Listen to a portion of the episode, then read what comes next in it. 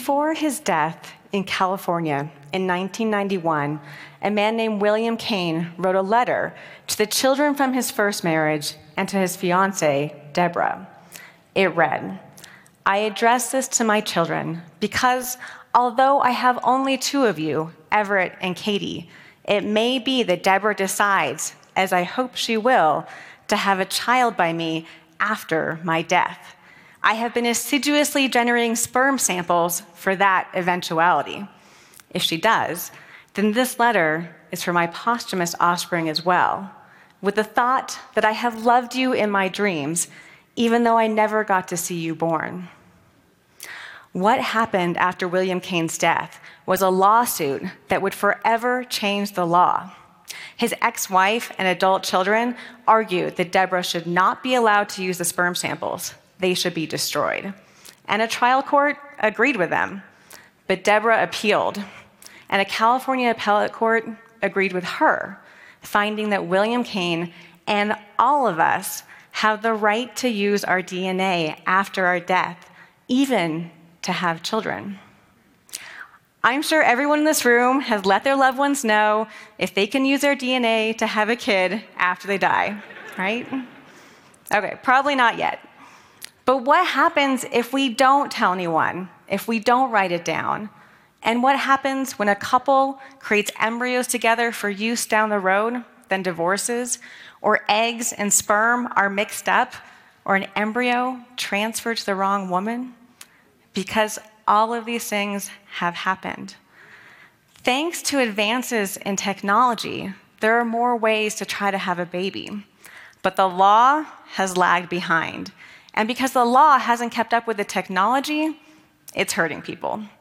Families trying to conceive, donors and surrogates trying to help them, and the children born into these wild situations.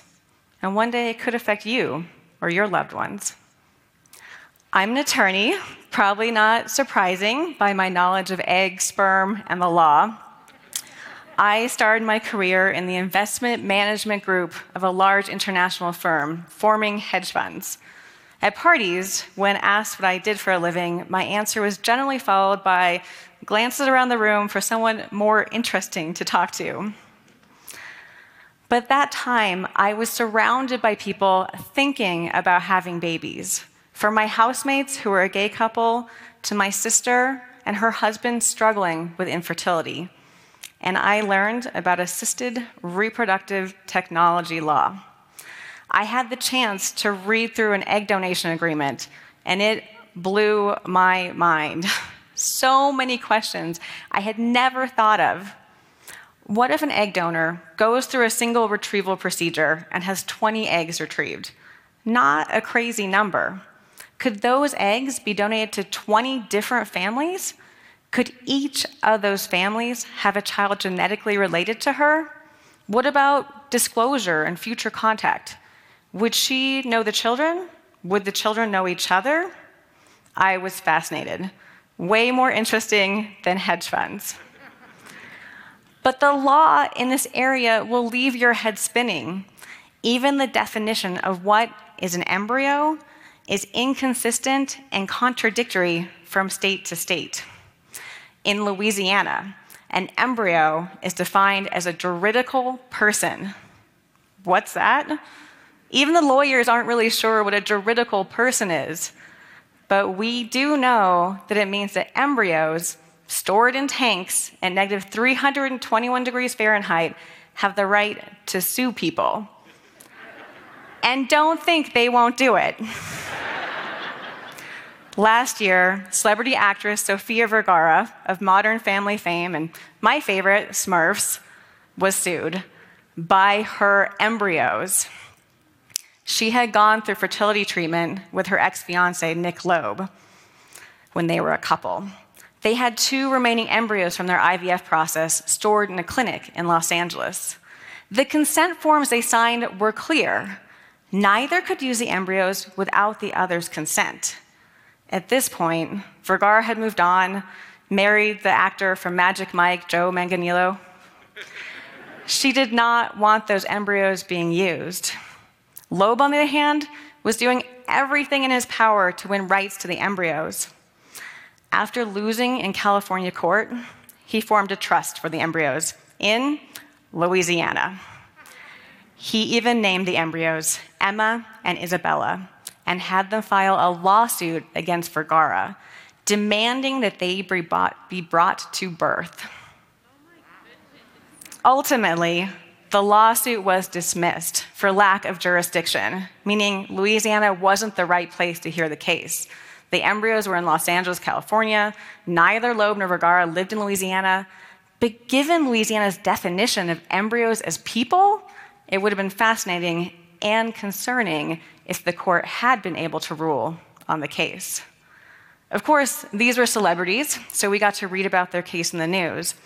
But it could happen to anyone who's gone through IVF. By contrast to the idea that embryos are people, other laws and judges treat embryos as property. In Texas, a probate judge was forced to determine the legal properties of 11 embryos when a couple was murdered, leaving behind their embryos and their two year old son.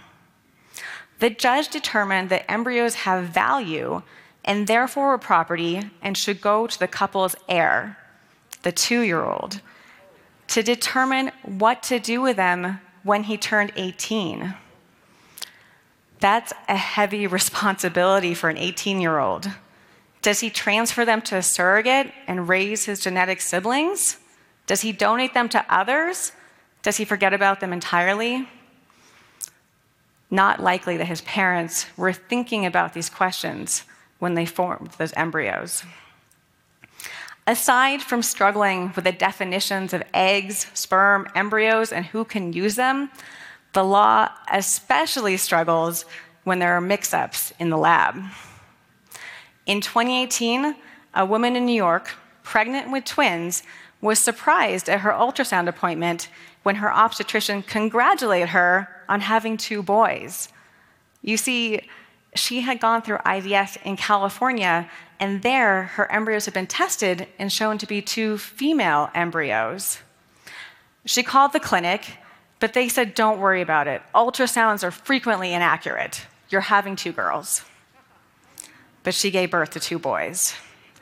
And they didn't look like her or her husband. They did genetic testing, and she was not genetically related, nor was her husband.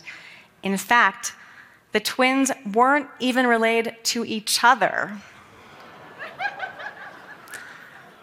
Across the country, a woman in California got a call from her fertility clinic. It had been about nine months since she'd gone through a failed embryo transfer.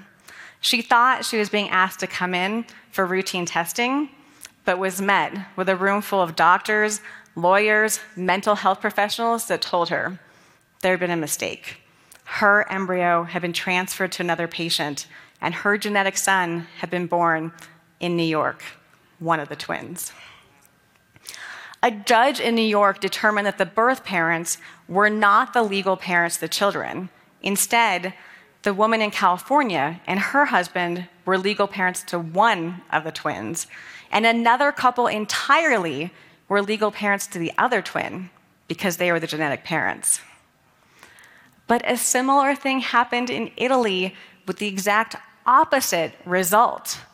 There, two embryos were transferred to the wrong patient, and a judge determined that the birth parents were the legal parents of the children, and the genetic parents had no legal rights at all to their own genetic children. It's time for the law to change. Here in Colorado, our lone egg and sperm donation statute has the language, a wife with her husband's consent. it's a little offensive to us liberated women, but also doesn't include single parents by choice or LGBTQ parents. It also doesn't include those who donate their embryos or those who receive embryos to have a child. What can we do besides advocating for better laws? We can think carefully about our own reproductive material. Every adult knows that they should have a will, even if they haven't done it yet. A will lets those we leave behind know what to do with our assets and our possessions, but most wills don't include an invaluable asset, our reproductive material. And that leaves loved ones confused and facing inconsistent laws. For instance, in 2019, a West Point cadet named Peter Zhu was in a tragic ski accident. His family begged the hospital and then a judge to let them retrieve his sperm. They explained to the judge that their, their son had always wanted to have children, and moreover, it was of vital cultural importance to them to continue their family line. The judge was persuaded. He issued the order to allow the son's sperm to be retrieved and later used for conception purposes. But here in Colorado, the law is not the same. In the last few years, at least twice it's happened where a man was taken to the hospital before his death, and the request by a spouse to have his sperm retrieved was denied because he didn't have a consent on file with the hospital. But in another case, where a man died suddenly and was taken to the coroner, his spouse's request to have his sperm retrieved was granted because the coroner is not subject to the same policies and procedures as a hospital. So, if you think you might allow someone to have a child with your DNA after your death, or you don't want them to, tell them. Write it down. Grab a napkin, put it on a napkin, send a text, no matter how strange that text may look. it happens more often than you think. We think more carefully about organ donation, but this is just as important. I bet you didn't think you need to include this in your will. The world has changed. The technology is here, and it will only keep advancing. And this isn't the only area where technology is outpacing the law. We need to challenge ourselves to think carefully about what these innovations mean to ourselves, to our families, to our children, and to future children, whether they're genetically related to us or not. Thank you.